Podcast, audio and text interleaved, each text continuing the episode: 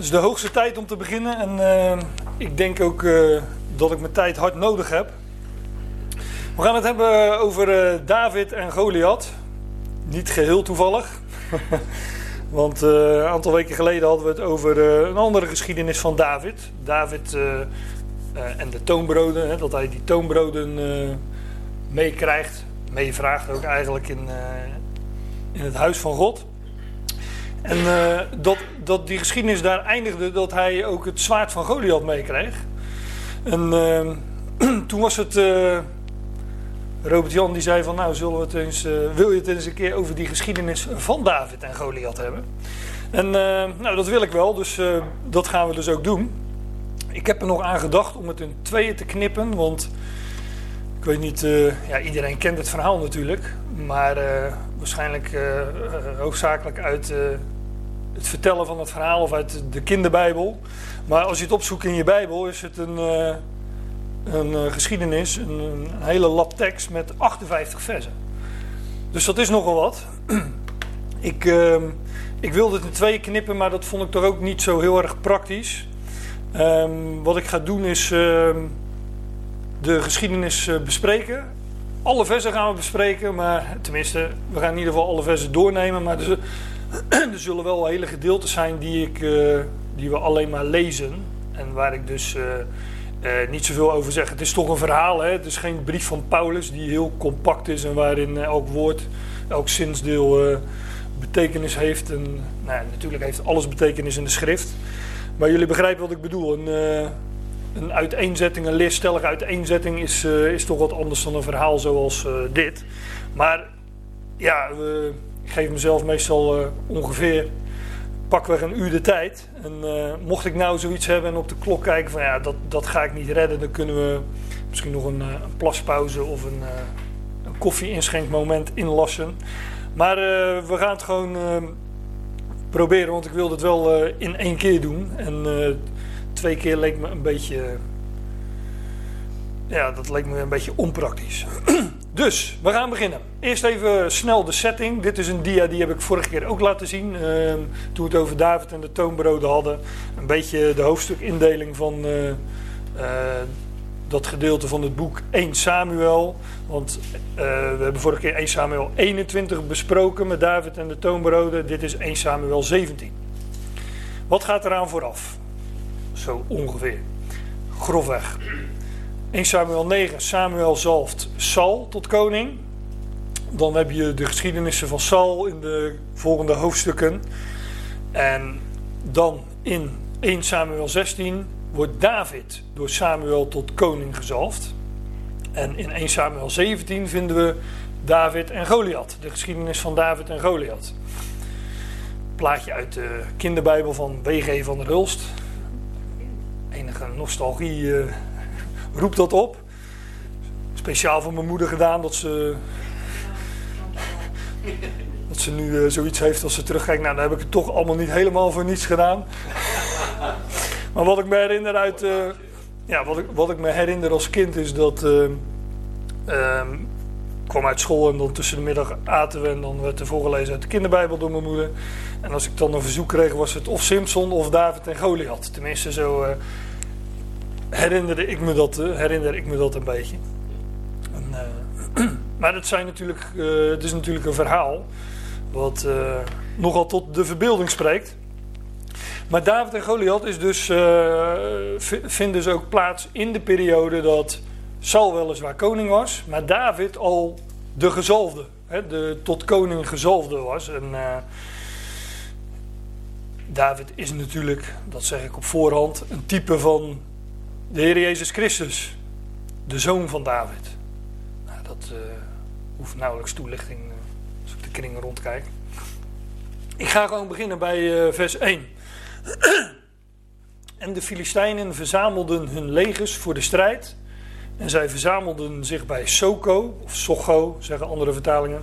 Dat is bij Juda. En zij legerden zich tussen Soko en tussen Azeka in Efes Damim.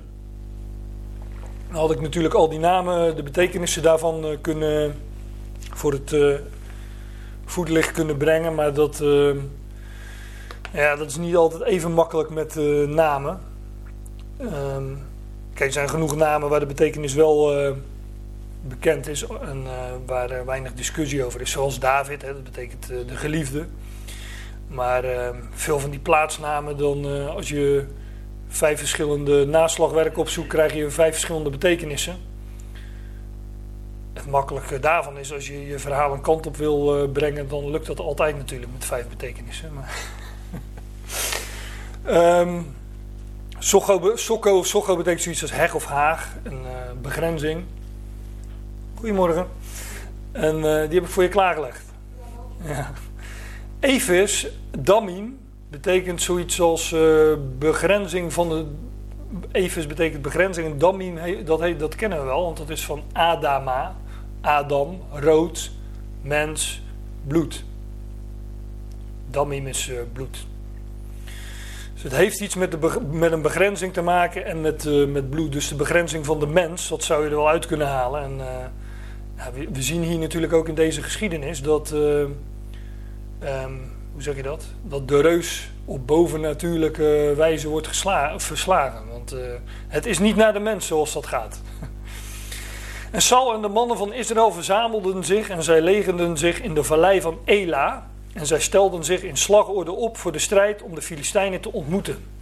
Nou, Ela, dat, uh, daarvan is de betekenis wel bekend. Dat betekent eik of terebind. En dat weten we nog van de vorige keer als we dat onthouden hebben. De geschiedenis van David en de toonbroden.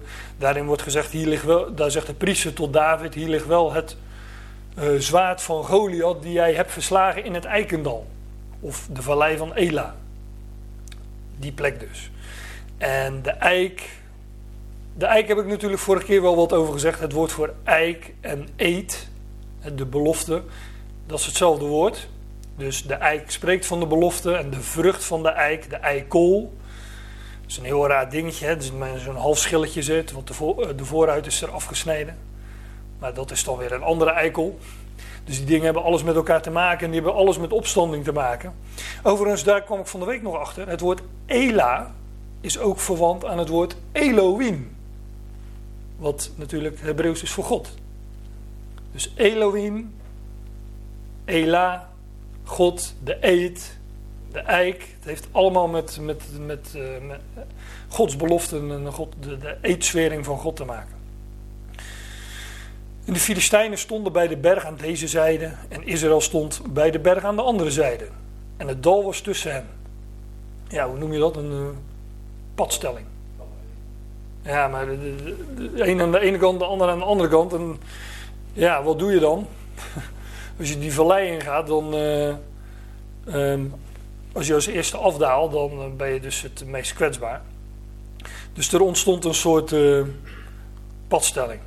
En uh, een soort loopgravenoorlog. Hè? Van we graven ons in en nou, het wachten is wie, wie durft het eerste eruit te komen. Er ging een man uit, de voorvechter of een kampvechter uit de legerkampen van de Filistijnen. Zijn naam was Goliath uit Gad. Zijn hoogte was zes ellen en een span. Goliath heb ik ook opgezocht. Dat betekent balling of gevangene. En ja, de, Goliath is de grote tegenstander in dit verhaal. En daar is hij natuurlijk ook een beeld van. In welke vorm dan ook.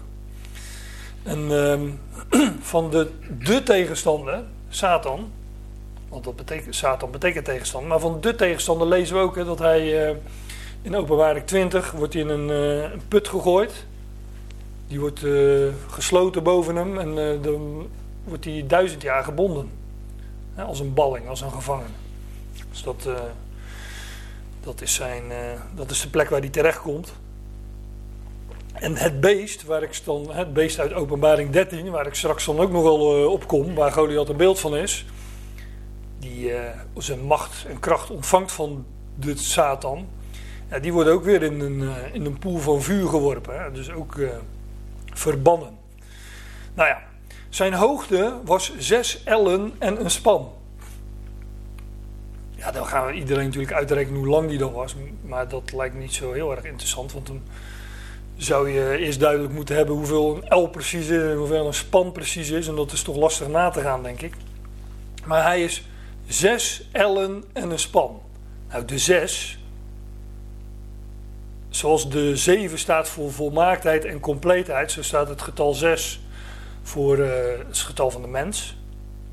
op de zesde dag werd de mens, uh, in Genesis werd de, kwam de mens ten tonele, de mens geschapen, dat was op de zesde dag. Maar Goliath is 6 ellen en een span. Hij is geen 7, maar hij is wel een nou, 6 plus zou je kunnen zeggen. Hij verheft zich nog eens boven die 6. Hij is een 6, maar verheft zich daar nog eens boven. Dus uh, ja, de mens, de mens in zijn, uh, in zijn hoogmoed, in zijn, uh, in, zijn, in zijn verheffing. Hier worden een paar dingen genoemd in deze geschiedenis, dus ik loop een beetje op de zaken vooruit. Hij was zes ellen en een span. Er worden zes onderdelen van zijn wapenrusting genoemd. En hij heeft een, uh, er wordt een gewicht genoemd van 600 sikkelen ijzer. En uh, ik ken die, het zijn allemaal zessen dus, hè, het getal van de mens. Maar ik, uh, je ziet ook drie zessen staan en uh, dan denk je toch al aan 666. Ik ken overigens iemand die zei nullen kan je altijd wegstrepen, want dat is niks. Als je die nullen weghaalt, dan, dan staat er ook 666. Maar dat, dat, dat idee mogen duidelijk zijn. En bij de 666, ja, ook dat bepaalt ons bij het boek Openbaring. Waar gesproken wordt over uh, een beest uit de zee. En dan uh, dat, dat beest, dat, daar wordt een beeld voor opgericht. En iedereen zou dat beeld aanbidden. En, dat beest geeft aan iedereen een merkteken. Aan degene die hem aanbidden en degene die, dat, die hem niet aanbidden, ontvangen dat merkteken niet. Dan staat er: Hier is de wijsheid. Wie verstand heeft, bereken het getal van het beest. Want het is een getal van een mens. Een mens, een zes. En zijn getal is 666. Allemaal zessen dus. Ja, vergelijk het beeld in Daniel 3 dat is een beetje een minder bekend beeld dan het beeld in Daniel 2. Kijk, wat ik vandaag vanmorgen doe is veel dingen noemen. Ik laat, nog, ik laat wat dingen zien. Schriftplaatsen die, uh, uh, waar ik naar verwijs. Sommige zal ik ook alleen maar noemen. En uh, ja, voor mij zit het erna vanmorgen op. Deze studie. Of jullie moeten nog vragen hebben. Maar ehm, als ik nou dingen zeg die, eh, die onbekend voor je zijn. Nou, dan hebben jullie nog wat te doen deze week. Maar in Daniel 3 gaat het ook over een beeld. Dat is een, een beeld, een gouden beeld, wordt door Nebuchadnezzar laat dat oprichten. En dat is een beeld van een hoogte van 60, weer die 6, 60 L. Ellen moet het dan zijn natuurlijk. En een breedte van 6 L. Dus ook weer allemaal zessen. En dat na de klank van uh, zes muziekinstrumenten moet dat beeld aanbeden worden. Dus ook weer die drie zessen. En uh, ja, dit is natuurlijk wel, verwijst wel heel duidelijk naar openbaring 13 ook. Waar ook een beeld wordt opgericht voor een beest die nu nog moet gaan verschijnen in de toekomst. En die ook aanbidding opeist. En dat gebeurde hier ook. En uh, nou, we kennen het verhaal denk ik. Hè, de vrienden van Daniel, uh, die bleven staan.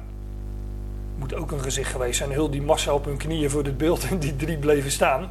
En die worden dan in de vurige uh, overgeworpen. En daar dat overleven zij. Als, beeld van het gelovige overblijfsel dat, uh, van Israël door de grote verdrukking gaat. Maar ook daar een beeld met zes, zes, zes. Allemaal zessen. Ja, die Goliath wordt verder beschreven. Hij had een helm van koper was op zijn hoofd. Hij was gekleed in een harnas van schubben. En het gewicht van zijn harnas was 5000 sikkelen koper. En, zijn, en er zijn koperen scheenbeschermers op zijn benen en een koperen werpspies op zijn schouders. Eerst even over wat, wat ik niet onderstreept heb, want ik heb alleen koper onderstreept. Even voor de fijnproevers, maar dat zijn jullie allemaal natuurlijk. Hij had een harnas van schubben. Dat, ik moest denken aan de god van de Filistijnen. Dat is Dagon. Die wordt afgebeeld als een vis. De vissengod. En je hebt een schitterende, er zijn al een aantal geschiedenissen waar Dagon in voorkomt. Bijvoorbeeld uh, Simpson, hè, die, die, uh, dat was de tempel van Dagon, waar hij, die zuilen uh, uit elkaar drukte en de boel instortte. Maar een hele mooie is waar de Filistijnen de ark van het verbond hebben veroverd op de Israëlieten. dan zetten ze de ark van het verbond, een type van Christus, zetten ze in hun eigen tempel, namelijk in die van de god Dagon. En dan komen ze de volgende dag, dag 2, en dan liggen volgens mij zijn handen eraf van Dagon. Die, dan plakken ze erop, bij wijze van spreken, ze herstellen hem. En de dag erna, s morgens vroeg, op de derde dag dus, is dat hele beeld van Dagon voorovergevallen voor de ark van het verbond. Dus uh, die Dagon is natuurlijk een beeld van de god van deze Aion, de tegenstander, die op de derde dag verslagen wordt. En dat wordt uitgebeeld in die Dagon die daar uh, voor de ark van het verbond als het ware is uh, neergeknield en neergevallen. Nou, daar moest ik aan denken toen ik las over een harnas van schubben. Anders had er ook gewoon kunnen staan een harnas. Maar, maar koper. Ja, de mijter, dat, de mijter van de Rooms-Katholieke priesters.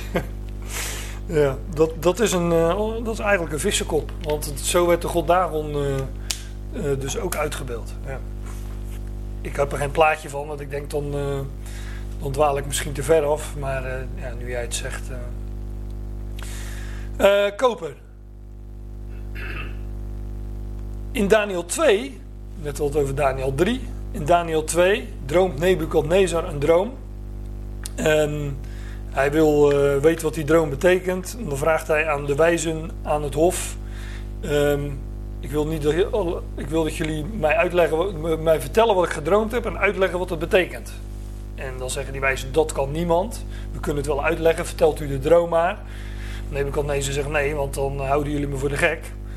Um, ik weet zeker dat degene die kan zeggen wat ik gedroomd heb, als die, als die het ook uitlegt, dan weet ik dat het waar is. Dat was, uh, niet, dat was erg slim van Nebuchadnezzar en dat kon ook niemand. En uh, dus moesten alle wijzen ter dood gebracht worden. En toen zei Daniel, nou dat uh, ga ik wel regelen. En hij zegt dan ook, ja, dat is geen mensenwerk. De, alleen de, is alleen God die dat kan. Maar hij gaat dan uitleggen wat Nebuchadnezzar gedroomd heeft. En uh, Nebuchadnezzar droomt van een beeld. Eno een enorm groot beeld staat er, letterlijk, in de grondtekst. Ik heb het opgezocht van de week. Daniel 2 vers 31 is het geloof ik, meen ik me te herinneren. Een enorm groot beeld. En we hebben hier over een enorme grote reus. Hè? Van 6 L en een span. Maar hij droomt van een enorm groot beeld met een gouden hoofd, zilveren borst, koperen lendenen en ijzeren benen en voeten van ijzer en leem. En uh, de uitleg staat er ook achter, want Daniel legt uit wat het is. Het goud uh, is een beeld van het Babylonische Rijk, zilver van het Rijk van Meden en Persen. En dat koper is een beeld van het Griekse Rijk, het Rijk van Alexander de Grote. Um, ook uh, Daniel 8 gaat daar nog over. Maar ik, ja, ik ga daar niet te veel over vertellen, want uh, als ik daar uh, over ga vertellen, dan, dan zijn we alleen maar daarmee bezig. Maar dat is dus uh, wat dat, dat, dat, ehm, dat, dat beeld wat Daniel, wat Daniel uitlegt, de droom van Nebuchadnezzar, bestaat uit vier wereldrijken. En die volgen elkaar op goud, zilver, koper, ijzer, ijzer en leem. Nou, daar spreekt dus tot kopen van. Ik kom er zo nog op terug natuurlijk. En de schacht van zijn speer was als een weversboom. En het lemmet van zijn speer was, daar heb je hem dus, 600 sikkelen ijzer. En de drager van het grote schild ging voor zijn aangezicht. Ja, dan kom je dus uh, meteen ook bij het ijzer in hetzelfde beeld. Het wordt hier allemaal benoemd. Um, en dat ijzer uh, en ook het, het ijzer en leem is een beeld van dat laatste wereldrijk. En uh, dat, is dus, dat is dus een rijk dat nog toekomstig is. Het rijk van het beest uit Openbaring 13. Ik leg allemaal puzzelstukjes nu neer en uh, ik hoop aan het einde dat de puzzel compleet is. Maar ja, als ik het echt zou willen bespreken, zou ik Daniel 2 moeten bespreken. Dat is volgens mij uh, bijna net zo'n lang hoofdstuk als het hoofdstuk dat we nu bespreken. Dus dat kan natuurlijk echt niet. Maar ijzer en leem is het laatste wereldrijk. En dat laatste wereldrijk, dit is Daniel 2 met dat beeld. Dat laatste wereldrijk wordt ook beschreven in Daniel 7. En in Daniel 7 gaat het over vier dieren. En ook bij dat vierde dier lees je over ijzer. En zie, een vierde dier, schrikwekkend en vreselijk en uitermate krachtig. En het op monsterachtige tanden van ijzer. Verslindend en verpulverend. Het verschilde van elk dier dat voor haar was, had tien horens. Bestaat dus uit tien uh, koningen, koninkrijken. En dit plaatje beeldt het mooi uit. Die koninkrijken in Daniel 2, goud, zilver, koper, ijzer en leem, die lopen parallel met koninkrijken in Daniel van die vier dieren. Een leeuw, een beer, een luipaard en een vierde dier dat ja, hier wordt beschreven. Maar dat vierde dier is net als het koninkrijk van ijzer, en ijzer of ijzer en leem, is nog een toekomstig koninkrijk. Dat is het koninkrijk van het, het, het, uh, het rijk van, ja, we, zouden dan misschien zeggen het rijk van de antichrist. Maar zo wordt het in de Bijbel niet genoemd. Want, um, het rijk van het beest, of van de beesten, want het zijn er eigenlijk twee hè, in openbaring 13. Ik doe wel een beetje beroep op bijbelkennis uh, deze ochtend. Maar uh, zoals gezegd, uh, als ik dingen zeg die onbekend zijn, ja, dan heb je wat te doen van de week.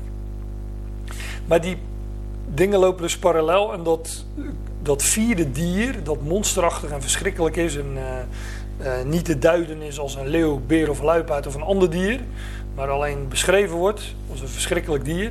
Dat komt dus overeen met dat, uh, met ijzer in, uh, uh, in het beeld van Daniel 2. En dat ijzer wordt dus hier genoemd. Dat wordt dus genoemd in Daniel 7. Hè, dat ijzer uit Daniel 2 wordt weer genoemd in Daniel 7.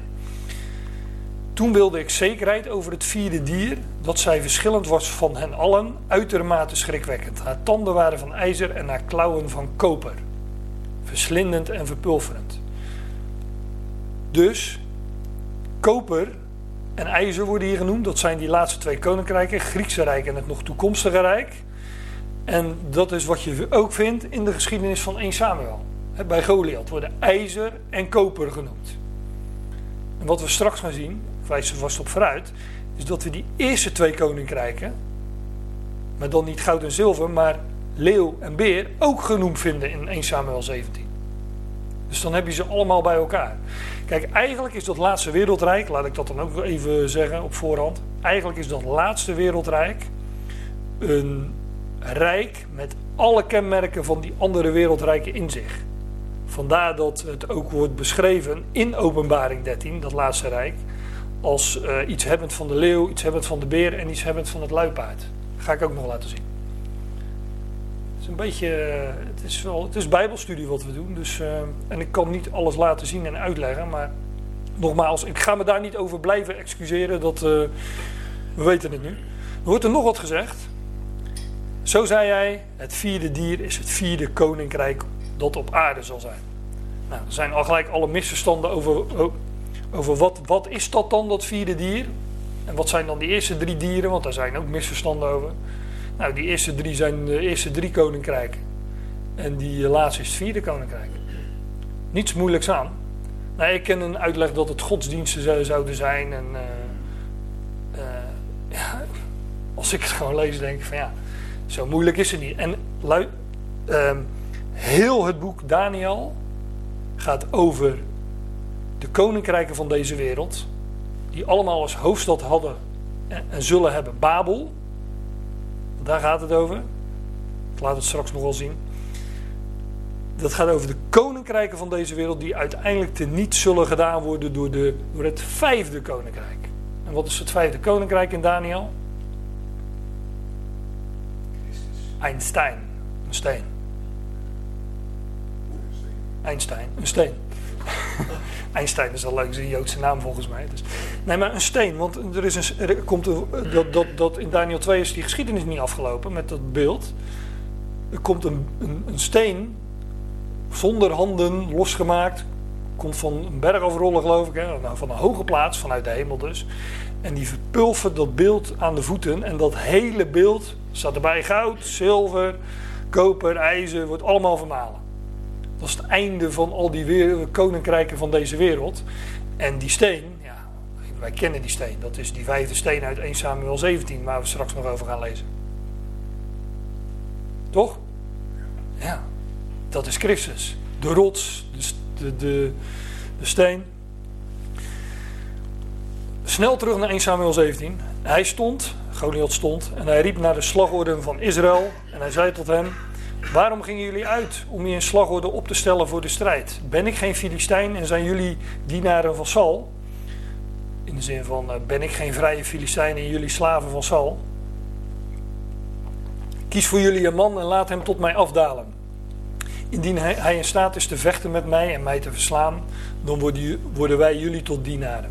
Maar indien ik de overhand over hem heb en ik hem versla, dan worden jullie ons tot dienaren en dienen jullie ons.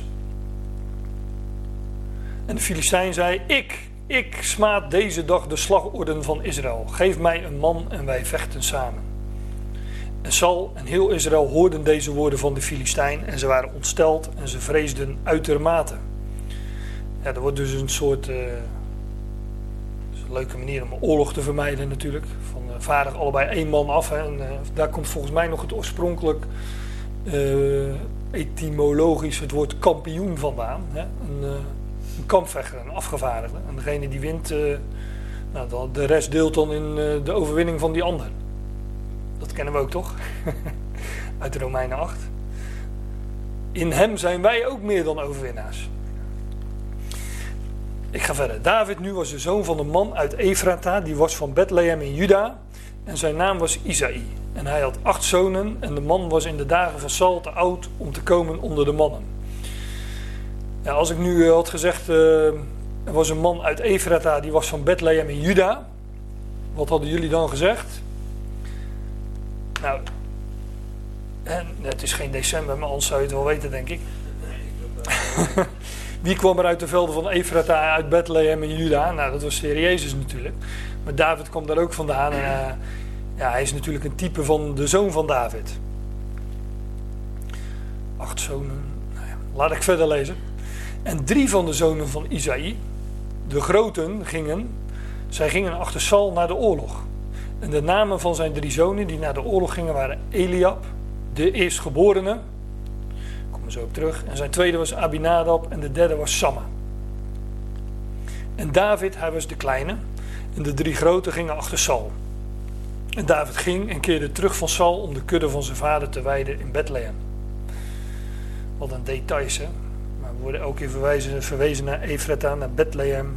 En, uh, nou ja. Laten we het over de het gezin van uh, David niet hebben. Misschien straks bij de koffie, uh, Michel. Ja, daar hadden we vorige keer wat interessante gesprekken over. Maar er zijn dingen, daar moet, daar moet ik nog eens induiken. De achtste, en waarom hadden ze hem bij die kudde gelaten toen er een koning werd gezocht? Want ze telden hem niet mee. Hoe kwam dat dan? Nou ja. En de, Filistijn naderde vroeg en in de avond en hij stelde zich veertig dagen op. En Isaïe zei tot David zijn zoon: Neem alsjeblieft voor jouw broeders een eva van dit geroosterde koren en deze tien broden en ga naar de legerplaats naar jouw broer. Dit is dus de volgende dag, hè, logischerwijze, na die 40 en komt dus de 41. Ik uh, tel de dagen, misschien uh, komen we nog ergens op.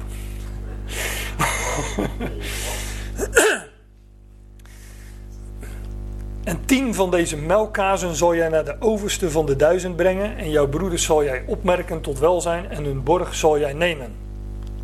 En Sal en zij en alle mannen van Israël in de vallei van Ela vochten met de Filistijnen. Nou, dat viel wel mee, want zoveel werd er niet gevochten volgens mij. Maar... Even terug. Nee, even niet verder bedoel ik. We zitten al een beetje in de getallen natuurlijk, maar tien spreekt van de woorden Gods, het spreken van God. In Genesis 1 begint het al, tien keer sprak God en, uh, en het was. Of uh, de tien woorden, wat, wat men dan de tien geboden noemt. Dus David kwam tot zijn. Uh, David werd door zijn vader gezonden om het woord te brengen. Dat is wat hier uitgebeeld wordt, toch? Hij moest de tien gaan brengen. Brood spreekt ook al van het woord van God. De mens zou bij brood alleen niet leven, maar bij alle woord dat uit de mond van God uitgaat. En melk is ook een beeld van het woord van God. 1 Petrus 2. Wees dan als baby's of kinderkens, staat de vertaling, zeer begeerig naar de redelijke, onvervalste melk. Het welk is het woord van God. Ik weet wel dat Paulus in de Korinthebrief negatief is over de melk, hè, maar dat komt omdat het plaats tegenover vaste spijs. En hij zegt daar uh, dat, dat zegt hij ook in, uh, dat zegt ook de schrijver van de Hebreeënbrief. Uh, na, de, na de tijd gerekend hadden jullie al leraren moeten zijn. Het is niet normaal dat je altijd melk blijft drinken. Af en toe een slokje prima. Maar je zou op een gegeven moment overgaan naar de vaste spijs. Hè. Een baby, als die opgroeit, dan wordt hij begeerig naar andere dingen. Naar vastere spijs. Dus, maar, maar melk is hoe dan ook wel een, uh, een basisbehoefte. Het spreekt dan ook over de basiselementen van het woord van God. Dus, dus David, die een type is van de zoon van David, die wordt door de vader gestuurd tot zijn broeders om het woord van God te brengen. Dat is wat hier uitgebeeld wordt. Zoals de Heer gezonden werd tot Israël, hè, tot, uh, tot, uh, tot, tot Israël om, uh, ja, om daar ook het woord te brengen. En David stond vroeg in de morgen op en hij liet de kudde over aan een bewaker en hij neemt zijn spul op en hij ging zoals Isaïe hem instructie gaf. En hij kwam bij de legerplaats en de strijdmacht ging uit naar de slagorde en zij schreeuwden ten oorlog. Zij hieven de strijdkreet. Maar David stond vroeg in de morgen op. Dat deed de Heer natuurlijk ook, hè? vroeg in de morgen. Johannes 20 en eh, de andere evangeliën. Een beeld van opstanding. De zoon van David. Het is gewoon, als David opstaat, is dat een type van de opgewekte Christus. Maar we waren dagen aan het tellen en dit is de 42e dag dus. Waar kennen we ook alweer het getal 42 van als het gaat om, uh, om het beest? Hallo, goedemorgen. Nou, er is nog plek voor je op de bank, dus. Uh... Ik had het er van de week uh, met Jens over. hij zegt, waar ga je het zondag over hebben dan? Ik zei, nou, over David en Goliath. Ik zeg, kom je er lekker bij zitten dan? Hij zei, ik vind het wel een mooi verhaal, maar jij gaat natuurlijk heel lang en waar het allemaal een beeld van is.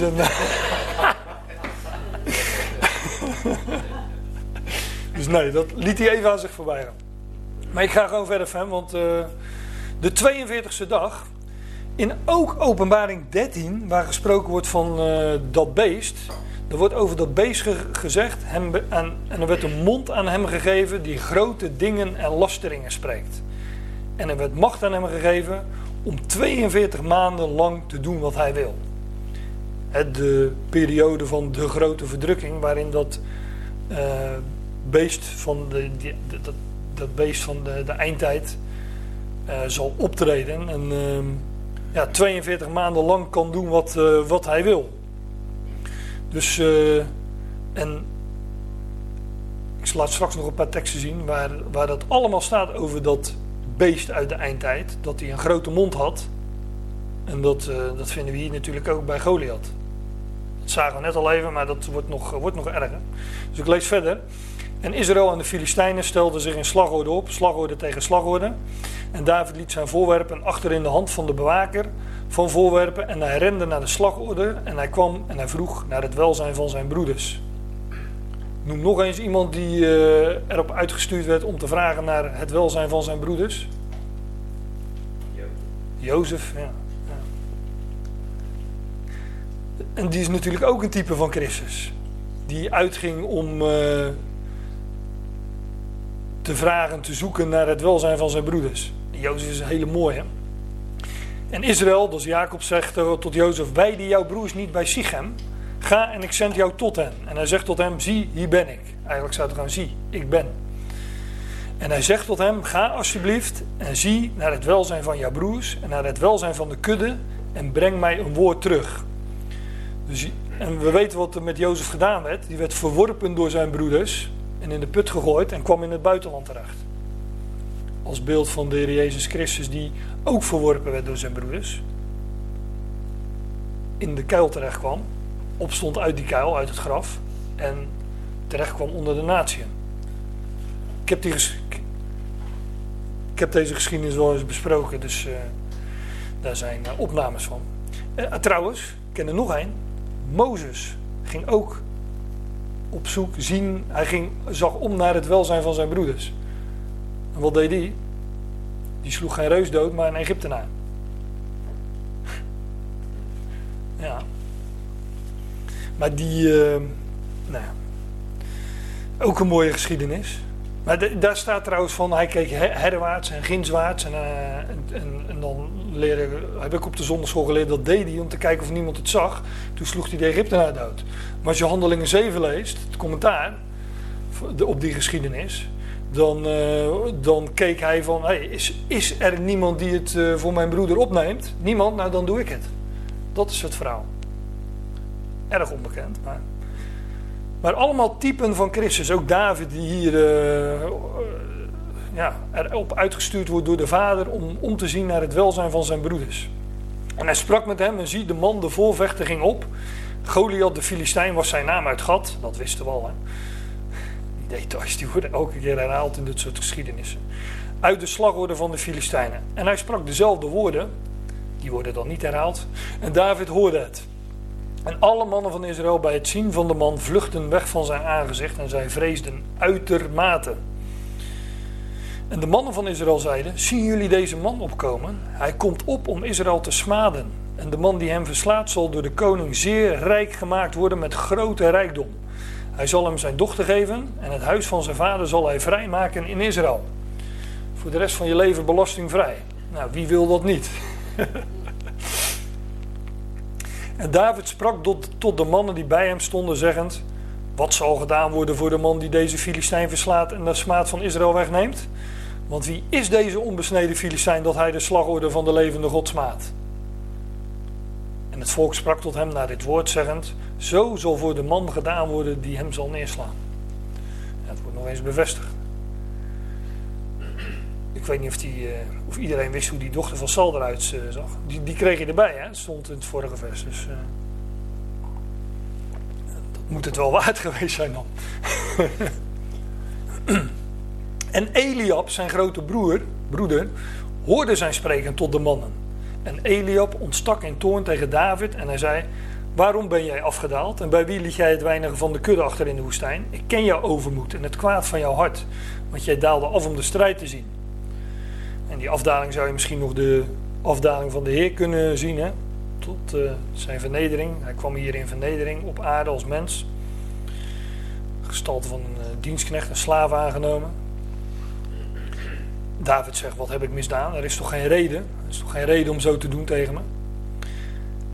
Maar hier heb je dus Eliab, de oudste, als vertegenwoordiger van de familie. De eerstgeborene werd hij genoemd. In vers 13, ik wees er net al even op.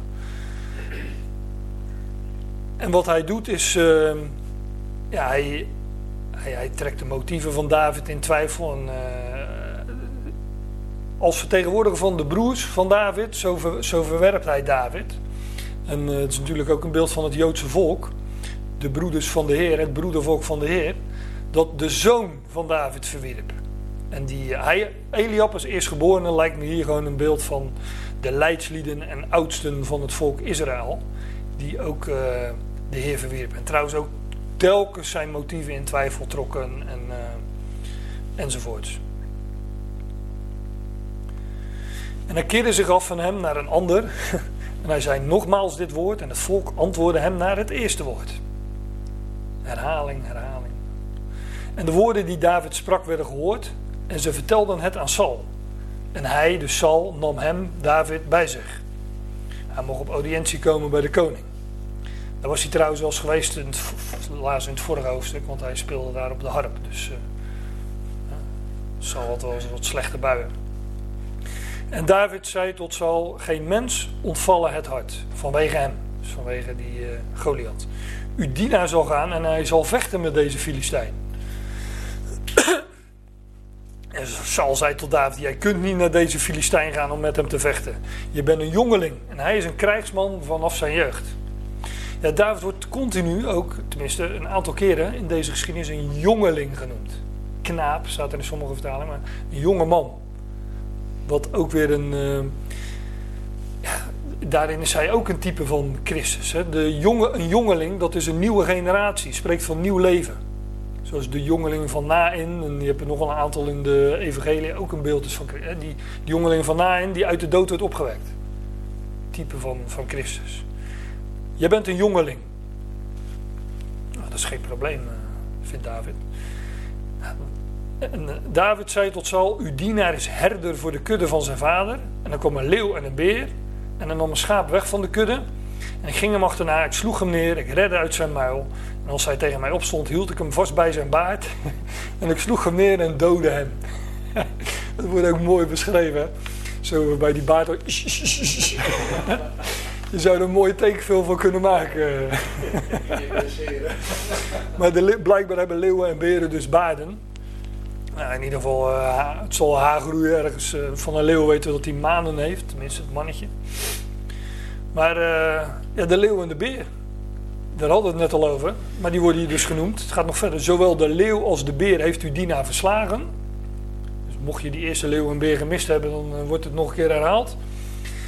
Let op, en deze onbesneden Filistijn zal zijn als een van hen. Dus als je dat heel letterlijk neemt, ziet, uh, zal, zal deze Goliath, deze reus Goliath, zijn als een van die leeuw en de beer. Maar we weten wat die leeuw en die beer uitbeelden. Dat zijn uh, uitbeeldingen van die koninkrijken in Daniel. Want hij smaadde de slagorden van de levende God. En David zei: Jaweh, die mij redde uit de klauw van de leeuw en uit de klauw van de beer, hij zal mij redden uit de hand van deze Filistijn. Saul zei tot David: Ga en Jaweh, hij zal met jou zijn. In hoeverre hij dat meende, weet ik niet. Maar... Dus drie keer vinden we hier gesproken over de leeuw en de beer. Nou, ik, ik, wees er net al even op. We gaan nu Daniel 7, gaan we die gewoon even lezen.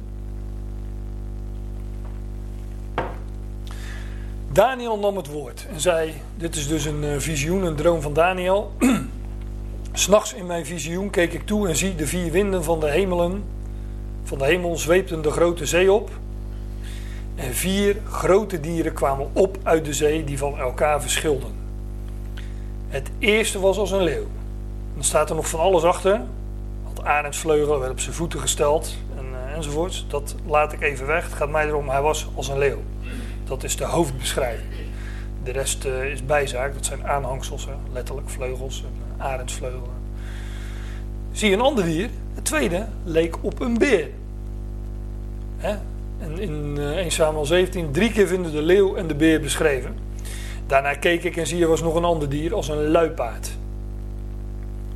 Daarna keek ik toe in de nachtvisioenen en zie het vierde dier was schrikwekkend, gruwelijk en uitzonderlijk sterk. Zoals Goliath. Het had grote ijzeren tanden. Het at, verbrijzelde, het at en verbrijzelde en het overblijfsel vertrapte het met zijn poten. En dan een paar versen verder. Toen wilde ik zekerheid over het vierde dier, dat verschillend was van, het al, van hen allen, uitermate schrikwekkend. Haar tanden waren van ijzer en haar klauwen van koper, verslindend en verpulverend. Dus hier wordt een visioen van Daniel beschreven over vier dieren. En uh, een leeuw, een beer en een luipaard. En uh, een vierde dier dat nader omschreven moet worden. Dat op geen van die dieren lijkt. Maar die heeft dus over dat vierde dier. Dan wordt ook weer gezegd dat die heeft tanden van ijzer en klauwen van koper. Ja, en als je in Daniel 7 bent, dan heb je Daniel 2 gelezen als het goed is. En dan ben je ijzer en koper dus al eerder tegengekomen. Maar wat je hier ziet, als we het allemaal op een rijtje zetten, dat heb ik gedaan. We vinden koop, nou laat ik helemaal rechts beginnen. We vinden de leeuw en de beer in de geschiedenis van Goliath. Als uitbeelding van dat eerste en het tweede wereldrijk, het Babylonische Rijk en het Rijk van de Meden en de Persen. En je vindt in 1 Samuel 17 het koper en ijzer. Nou, dan heb je ze alle vier compleet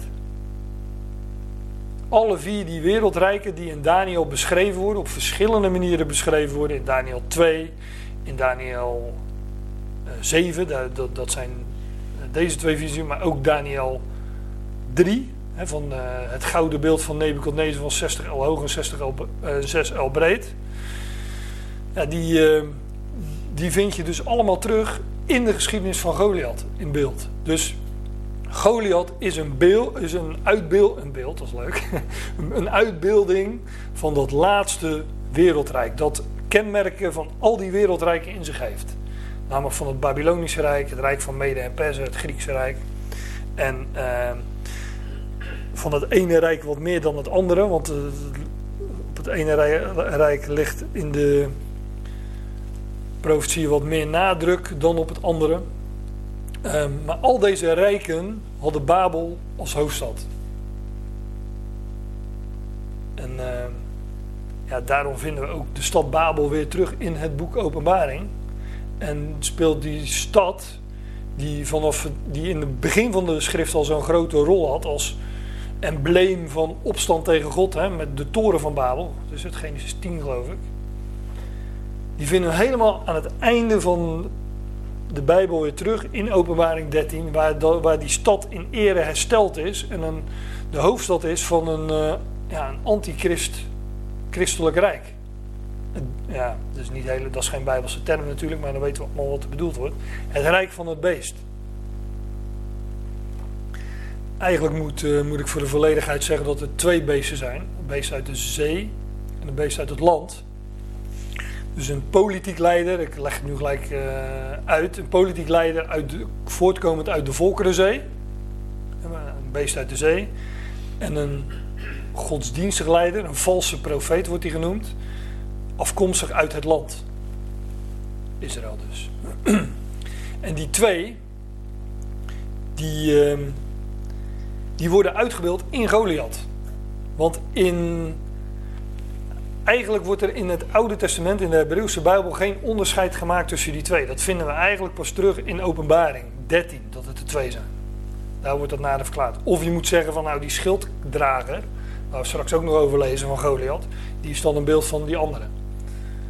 Maar als je Daniel leest, als je Daniel leest, herken je die andere ook wel. Je leest.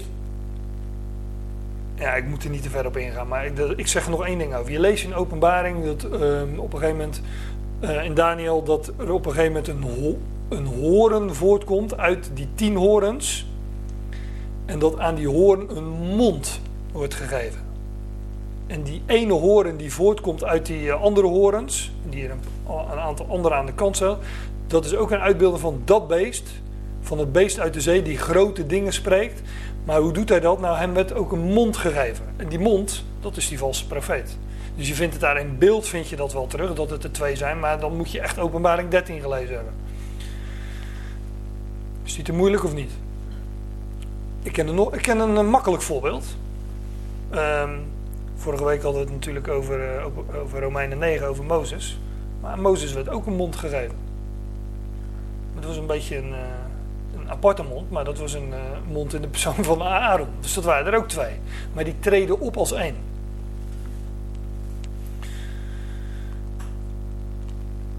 Daar moeten we Mozes en Aaron misschien nog eens excuses, excuses voor aanbieden dat we die nu vergelijken met, met deze beesten. Maar om het duidelijk te maken dit is dus openbaring 13. Om uh, het plaatje enigszins compleet te maken. Daar, zie, daar, ziet Johannes, de schrijver, dus een beest uit de zee opkomen. Ik zag een beest, ik zag uit de zee een beest opkomen. Hier worden die eerste drie overgeslagen. In Daniel 7 kwamen er vier dieren uit de zee. Hier komt een beest uit de zee. Tien horens, zeven koppen. Nou, daar... Uh, gaan we verder niet op in. Op zijn hoorns tien diademen, hè, koninklijke waardigheid. Op zijn koppen lasterlijke namen. Dat hebben we al gezien, hè. een grote mond uh, heeft die Goliath. Lastelijke dingen spreken, hè. dat zullen we ook nog zien. En het beest dat ik zag leek op een luipaard. Hier wordt dus luipaard het eerste genoemd. Dat zal, dus dat is dat Griekse rijk. Ik denk, ik denk dat het iets te maken heeft met wellicht het grondgebied waarop uh, dat het laatste wereldrijk zal hebben. Overigens wordt ook van het Griekse Rijk wordt gezegd dat dat met een uh, dat rijk van Alexander de Groot dat kwam met een noodgang, een rotgang, dat kwam verschrikkelijk snel tot stand. Lees de geschiedenisboeken er maar op na. Dat rijk dat Alexander de Grote heeft veroverd, dat deed hij echt in, in, een hele korte tijd. En een luipaard is natuurlijk een, een van de snelste dieren. In uh, Daniel 8, geloof ik, ja, Daniel 8, weer een ander beeld. Daar wordt hij uitgebeeld, dan heb je een ram en een geitenbok. En dan zie je dat, uh, volgens ik ben altijd in de war met de ram en de geitenbok. Wie wie is. Maar de ene is het Griekse Rijk en het andere is het Rijk van de Mede en Persen. En dan zie je dat, eh, dat, dat die, diegene die dat Griekse Rijk uitbeeldt, volgens mij is het uh, de ram, die uh, is zo snel dat zijn voeten amper de grond raken. Dat kennen we natuurlijk uit de cartoons hè, van Roadrunner. nou, dat is. Zo, zo, zo, zo, zie ik dat voor. Maar dat heeft te maken met de snelheid waarmee dat Rijk tot stand kwam. En dat zal misschien ook wel met dat laatste wereldrijk zo gaan gebeuren. Zijn poten als van een beer en zijn muil als de muil van een leeuw. Dus dat laatste beest, dat laatste wereldrijk, dat uh, rijk van het beest, heeft alle kenmerken van die eerdere drie wereldrijken in zich. Dit zijn ze dus, hè, dat plaatje weer. maar eigenlijk is dat uh, monsterachtige, verschrikkelijke vierde dier een, uh, een combinatie ook van die eerdere drie. Met wat monsterachtige aanvullingen de draak geeft aan hem zijn macht en zijn troon en grote autoriteit. Ja, dan weten we waar zijn macht en kracht vandaan komt. Terug naar 1 Samuel 17, want we hebben nog een paar versen te gaan. En Saul deed David zijn uniform aan en hij gaf een koperen helm op zijn hoofd en deed hem een harnas aan. En David omgorde zijn zwaard over zijn uniform en hij wilde gaan, ook al had hij het nooit geprobeerd. En David zei tot Saul, ik kan in deze niet gaan, want ik ben ongeoefend. David nam ze van zich weg. Zij kreeg daar het uh, harnas van Sal aan. En, uh, een helm, een harnas. En daar zei ja, dat, ik, heb, dat, dat, ik ben niet geoefend. Hij voelde zich uh, als onder een juk. En daar is natuurlijk ook een uitbeelding van. Want Sal is een beeld van de wet. Sal, Sal, wat vervolg je mij? Dat lijkt me wel afdoende toch? Hè? Saulus die later Paulus werd. Maar hij vervolgde... hij was de vervolger van de, van de Ecclesia. En uh, dat, dat harnas is een beeld van het juk van de wet of van de slavernij. Ik heb er twee teksten bij gezet, maar je zou ook de hele gelaten brief kunnen lezen, denk ik altijd. Overigens, een koperen helm kreeg hij van Saul. En dus Saul geeft hem eigenlijk de, de, de, de, de, dezelfde middelen ter beschikking als de wereld heeft. Hè? Als uh, Goliath heeft, als uitbeelding van maar de, de wet, ja, dat is misschien een beetje lastig, maar de wet wordt in de schrift ook genoemd de eerste beginselen van deze wereld. En wat doet Saul? Hij geeft hem een koperen helm. Een, een, ja, en dat, eh, alsof, alsof dat het, uh, uh, de munitie van de tegenstander, of alsof hij daarmee de tegenstander kan verslaan. Ik weet niet hoe ik het beter moet zeggen, maar hij nam, nam zijn staf in zijn hand en hij koos voor zichzelf vijf gladde stenen. En hij plaatste ze in zijn herderstas die bij hem was en in zijn verzamelzak. En zijn slinger was in zijn hand en hij naderde tot de Filistijn. Ja, de staf, dat weten we allemaal denk ik, is een beeld van opstanding. Kan je ook staande mee, je kan ermee opstaan en je kan er staande mee blijven. Sinds, eh, we hebben natuurlijk Psalm 23, hè, al ging ik door een dal van schaduw des doods, uw stok en staf vertroosten mij dus van, het heeft te maken met de overwinning op de dood. Ja, hij nam natuurlijk vijf stenen en dan uh, moet je er altijd bij zeggen, omdat hij dacht dat hij die eerste vier zou missen natuurlijk. Nee, gewoon omdat hij, uh, omdat hij er vijf nodig had. Net als hij in de geschiedenis in 1 Samuel 21 vijf toonbroden wilde. Geen vier, geen zes, geen twaalf, de lagen de twaalf. Dus nee, vijf. Het spreekt van, uh, van de, van, van de verborgenheid en van genade. Johannes 6 is de geschiedenis van vijf broden en twee vissen. Vorige keer ook aangehaald. Een slinger, ja, ik weet niet of ik er zoveel achter mag zoeken, maar wat je met een slinger doet is een cirkel maken.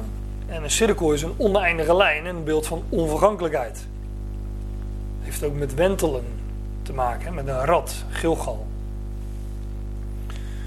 Nou ja. En de Filistijn ging ook en naderde tot David en zijn schilddrager voor hem uit. Die ik dus net al even noemde, die schilddrager.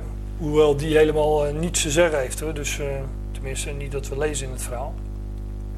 En de Filistijn keek en hij zag David en hij verachtte hem. Want hij was een jongeling, daar is hij weer. Nieuwe generatie, jongeling. Uh, en rossig, roodachtig. Heel mooi van verschijning. Maar dat rossig, ik, ik wees in het begin op, dat, op die plaatsnaam waar dit plaatsvindt. Efes, wat was? Efes Damim of zo uit vers 1. Damim, heeft, dat is bloed. Adam is de, de, mens. En dit, is Ad, dit komt van Adama, dat betekent roodachtig. Heeft dus ook alles met Adam te maken. Hier gaat het over David, die een type is van de zoon van David, maar ook van de zoon van Adam. Want het kan ons schelen wat voor kleur haar die had. Tenminste, als het over zijn haar gaat, toch? Rossig was hij roodachtig. Nou, is ook volgens, als je het mij vraagt, een verwijzing naar, uh, naar Adam, de zoon van Adam, de laatste Adam. En de Filistijn zegt tot David: Ben ik een hond dat jij tot mij komt met stokken? David antwoordde niet, maar als hij antwoord had gegeven, had hij waarschijnlijk gezegd ja. ja. Hij noemde hem net al een onbesneden Filistijn. De Filistijn sprak over David een vloek uit in zijn God. En we weten wie die God is. Dagon, die vissengod. Die nu vertegenwoordigd wordt door die man met die mijter. Of mag dat niet zeggen? nee, dat denk ik. Als je zo'n ding op je kop zet, dan, uh, dan zal je wel bij hem horen, toch? Mag En de Filistijn zei tot David: Kom naar mij toe, dan zal ik jouw vlees geven aan de vogels in de hemelen en aan de dieren van het veld. Ja, een grote mond had hij dus. Nou, kan wel een grote bek, hè? zoals een leeuw heeft ook een bek en een beer ook. Dus uh, hij had een grote bek, deze Filistijn. En uh, van uh, dat beest uit de eindtijd lezen dus al geprofiteerd ook in Daniel 7. Woorden tegen de Allerhoogste zal hij spreken. Hij zal tegen de God der goden wonderlijke dingen spreken. Daniel 11. Openbaring 13. En hij opent zijn mond tot lasteringen tegen God. Nou, dat doet deze Goliath hier ook. Als uitbeelding van dat laatste, van dat beest. En David zei tot de Filistijn: Jij komt naar mij toe met een zwaard en met een speer en met een kromzwaard. Maar ik kom naar jou toe in de naam van Jahweh van legermachten, God van de slagorden van Israël die jij smade. Deze dag zal Yahweh jou overgeven in mijn hand. En ik zal jou verslaan. En ik, ik neem jouw hoofd van jou weg. En ik geef de lijken van het kamp van de Filistijnen vandaag aan de vogels in de hemelen. En aan de dieren van het land. En heel de aarde zal weten dat er een God voor Israël is. En hoe kon David dit zo zeker weten?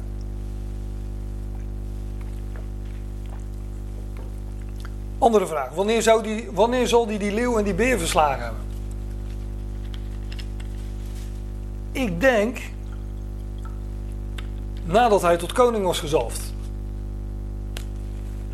En dit doet hij ook nadat hij tot koning is gezalfd. David stond op Gods beloften. Hij, wist, ja, hij, kon een schrammetje oplopen, maar veel kon hem niet gebeuren. God had hem beloofd dat hij koning zou worden. Hij is tot koning gezalfd door Samuel. God had een belofte gedaan, dus hij kon rustig op deze reus afstappen. Met zijn slingertje en vijf stenen. Hij wist één ding, gedood word ik niet. Dus als hij op die, nou, hij, hij, hij, wist dat hij zou overwinnen. En ik, ik denk eigenlijk dat hij die leeuw en die beer ook verslagen heeft na zijn zalving. Dat hij toen dacht van ja, wat kan zo'n leeuw mij doen? ja, ik, weet het niet zeker hoor. Dus, uh, maar het, uh, ik vind het wel humor om, om zo aan die dingen te denken. Als je weet dat je nou, ook mooi om er zo aan te denken. Als je, als je, als je weet, ik heb Gods belofte. Nou, wat kan een, een, een mens of wat, wat. Als God voor ons is, wie, is, wie, zou dan tegen ons, wie of wat kan dan tegen ons zijn? Romein 8 hebben we ook pas besproken. Maar dat, uh, ja, dan, uh, als je Gods beloften hebt, dan, uh, ja, dan, dan weet je dat Hij die gaat vervullen. En David stond daarop. En heel deze vergadering zal weten dat Yahweh niet door het zwaard en de speer zal redden, want de strijd is van Yahweh. En hij geeft jullie in onze hand. En het gebeurde dat de Filistijn opstond en hij ging. En hij kwam naderbij om David te ontmoeten. En David haastte zich en hij rende naar de slagorde om de Filistijn te ontmoeten. En David stak zijn hand in de tas. Hij nam daaruit een steen en hij slingerde de steen weg en hij trof de Filistijn tegen zijn voorhoofd. En de steen, stond, de steen zonk in zijn voorhoofd. En hij viel op zijn aangezicht naar de aarde. Ja, dat is snel voorbij. In mijn uh, gedachte moest je dat een paar proberen. Nee. dat was gelijk de eerste steen. Nee, hij heeft niet eerst met die vier stenen geprobeerd en toen was de vijfde was raak. Maar die, die, die, die, die steen is natuurlijk wel, hij had niet voor niets vijf stenen. Die steen was de vijfde steen, omdat vijf natuurlijk een, eh, eh, spreekt van, van, van genade en nou, nog heel veel eh, geweldige andere dingen. Maar die vijfde steen spreekt ook van die steen uit Daniel 2. Deze steen namelijk. Er zijn vier koninkrijken, goud, zilver, koper. En dat vierde koninkrijk van ijzer en ijzer en leem. En de vijfde is een steen die zonder mensenhanden loskomt en van bovenaf rolt. En dat beeld raakt aan de voeten en dan zie je dat heel dat beeld, dat wordt uitgebreid beschreven, wordt ver- vermalen en verpulverd. Dan staat er ook nog bij dat deze steen vulde de hele aarde in de droom van Nebukadnezar. Dus dat vijfde, dat vierde, die drie koninkrijken zijn al geweest, hè? Ik ga ze niet nog een keer herhalen, maar die zijn al geweest. Er komt een vierde koninkrijk, dat rijk koninkrijk van het beest, met alle kenmerken van die vorige koninkrijk ook in zich. Maar dat zal verslagen worden door de vijfde, namelijk de steen. Het koninkrijk van de Messias. Dat staat er ook allemaal bij hoor in Daniel 2. Dat dat eh, een, eh, een, een, een eh, ja, ook een Israëlitisch koninkrijk zal zijn. Het is wel leuk dan dat die steen ook ongeveer hetzelfde materiaal is als de tenen van ijzer en leem. Daardoor weet je ook dat Israël nog een, beeld een, een, een, eh, een rol gaat spelen in dat laatste vierde eh, koninkrijk met Babel als hoofdstad. Er zijn nog wel meer aanwijzingen voor, maar het pottenbakkersleem, we het vorige week over, in eh, Rome, ook Romeinen 9. Zie- Zie, daar heb ik Jeremia 18 aangehaald, er staat gewoon daar wordt gewoon gezegd, het huis van Israël, jullie zijn dat pottenbakkersleem. Nou, verder, het vijfde koninkrijk in Daniel 2 is de steen. Ja, dat is ook het definitieve koninkrijk. Die eh, vult dus ook de hele aarde. En David overwon de Filistijn met een slinger en met een steen. En hij sloeg de Filistijn neer en hij bracht hem te dood. En er was geen zwaard in de hand van David.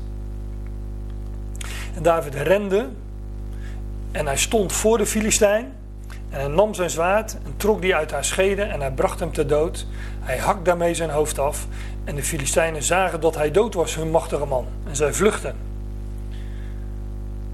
Ja, ook dit is een illustratie, als je het mij vraagt, van hoe de tegenstander verslagen wordt, uiteindelijk definitief verslagen wordt met zijn eigen wapen. Want het, het, het wapen van de tegenstander, van Satan, is de dood. In Hebreeën 2 staat opdat hij, dat is Christus, door de dood teniet zou doen degene die de macht heeft van de dood. Dat is de duivel. Dus de Heer stierf, werd ter dood gebracht. En ja, vanuit Satans ehm, positie was dat de overwinning. Maar God wekte hem op uit de doden. Dus door, ehm, eh, door het wapen van de vijand, namelijk de dood, daarmee werd juist, daardoorheen werd juist de overwinning tot stand gebracht. Want hij moest eerst sterven om opgewekt te worden en nieuw leven aan het licht te brengen. Ik moet dan gelijk ook denken aan 1 Korinthe 2 vers 8 waar staat als de overste van deze wereld het geweten hadden, hadden ze de Heer der Heerlijkheid niet gekruisigd. Want zijn grootste nederlaag werd juist zijn grootste overwinning. En hier wordt de Filistijn de kop afgehakt met zijn eigen zwaard. Hij zou de kop van de slang vermorzelen. Lees wel in Genesis 3. hè, Die, eh, hoe noemt men dat? De moederbelofte. En daar is dat, als je het mij vraagt, een illustratie van. En de mannen van Israël en Juda. Ja, ik, eh, nog een paar minuten, we zijn bijna aan het einde. De mannen van Israël en Juda stonden op en zij schreeuwden luidkeels. Ja, toen kregen ze babbels. En zij achtervolgden de Filistijnen tot bij het ravijn en tot aan de poorten van Ekron. En de gesneuvelden van de Filistijnen vielen op de weg naar Saarim, Araim en tot aan Gat en tot aan Ekron.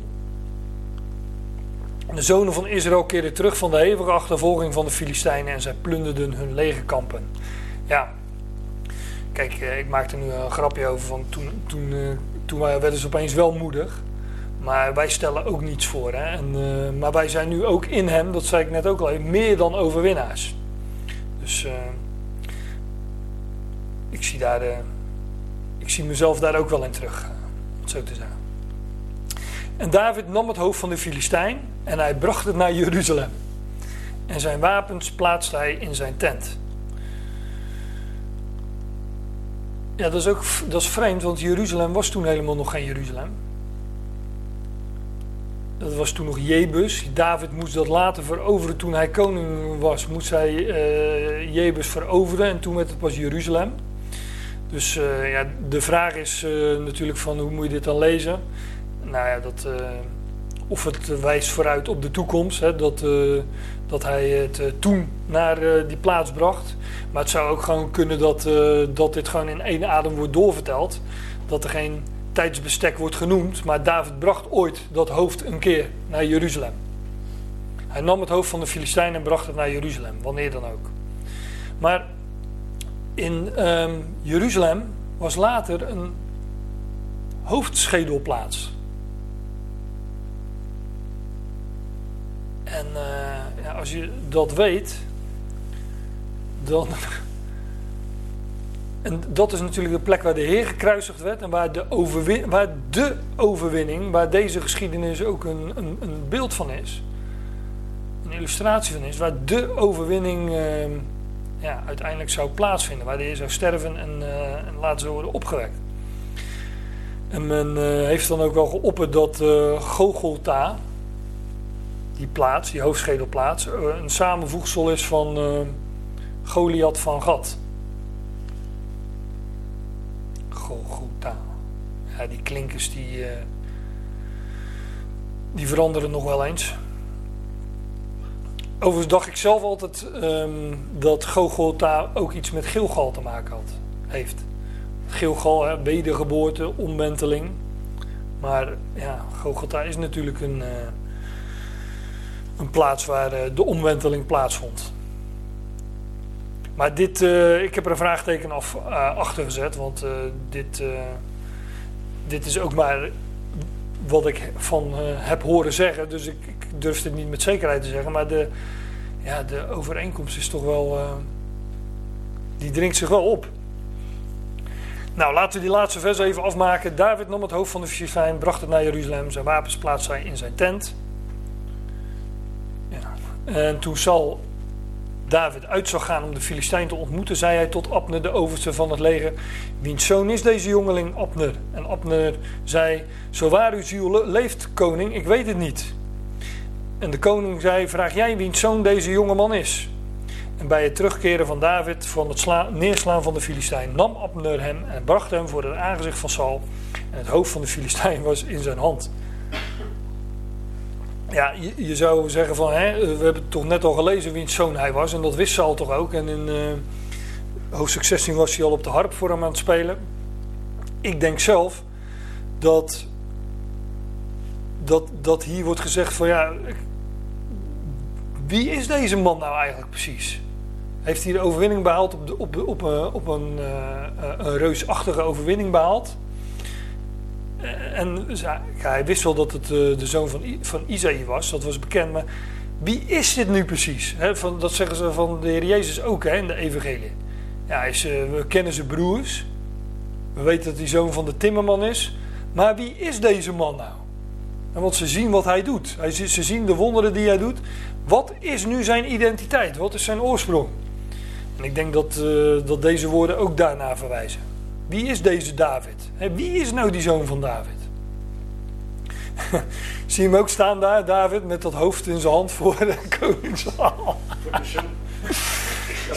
Zo, aan zijn haren, denk ik. ja. Hij bracht hem voor het aangezicht van Saul en het hoofd van de Filistijn was in zijn hand. En Saul zei tot hem, wiens zoon ben jij, jongeling? En David zei, een zoon van uw dienaar Isaï, de Bethlehemiet. Nou ja, weer dus woorden die verwijzen naar de identiteit van de Heer Jezus Christus, hè, geboren in Bethlehem. Isaïe betekent volgens mij zoiets als. Uh, uh, nou, ik ben het even kwijt. Hij is Yahweh of zo betekent het. Ja. Zoeken we straks op. Ik heb een boekje staan. Maar uh, dat is mijn laatste dia. Dus uh, nou, iets over tijd uh, zie ik. 10 minuten. Nou, dat past, de 10 past wel in deze geschiedenis. Die zijn we ook al tegengekomen. Maar ehm, ja, ik heb het vrij snel gedaan. Ehm, had veel uitgebreider gekund. Ik had het ook nog korter kunnen samenvatten en dan had ik heel veel verder over moeten slaan. Maar ik wilde toch eens uh, helemaal doornemen en op, uh, in ieder geval uh, op toch aanzienlijk wat details willen wijzen. Maar de, ja, en, de, ik heb voornamelijk de overeenkomsten genoemd hè, tussen de, de, de, het goud, het zilver en. nee, juist niet. Het, het koper en ijzer en de leeuw en de beer in, in het boek van Daniel. En de, de reusachtige beelden die we daar vinden. En, en, de verwijzingen naar openbaring 13. Maar om daar nou echt goed notie van te nemen, zou je die hoofdstukken gewoon eens uitgebreid moeten bestuderen. En, want daar staan nog veel meer details natuurlijk in. Maar voor nu gaan we het hierbij laten en sluiten we hier de geschiedenis af.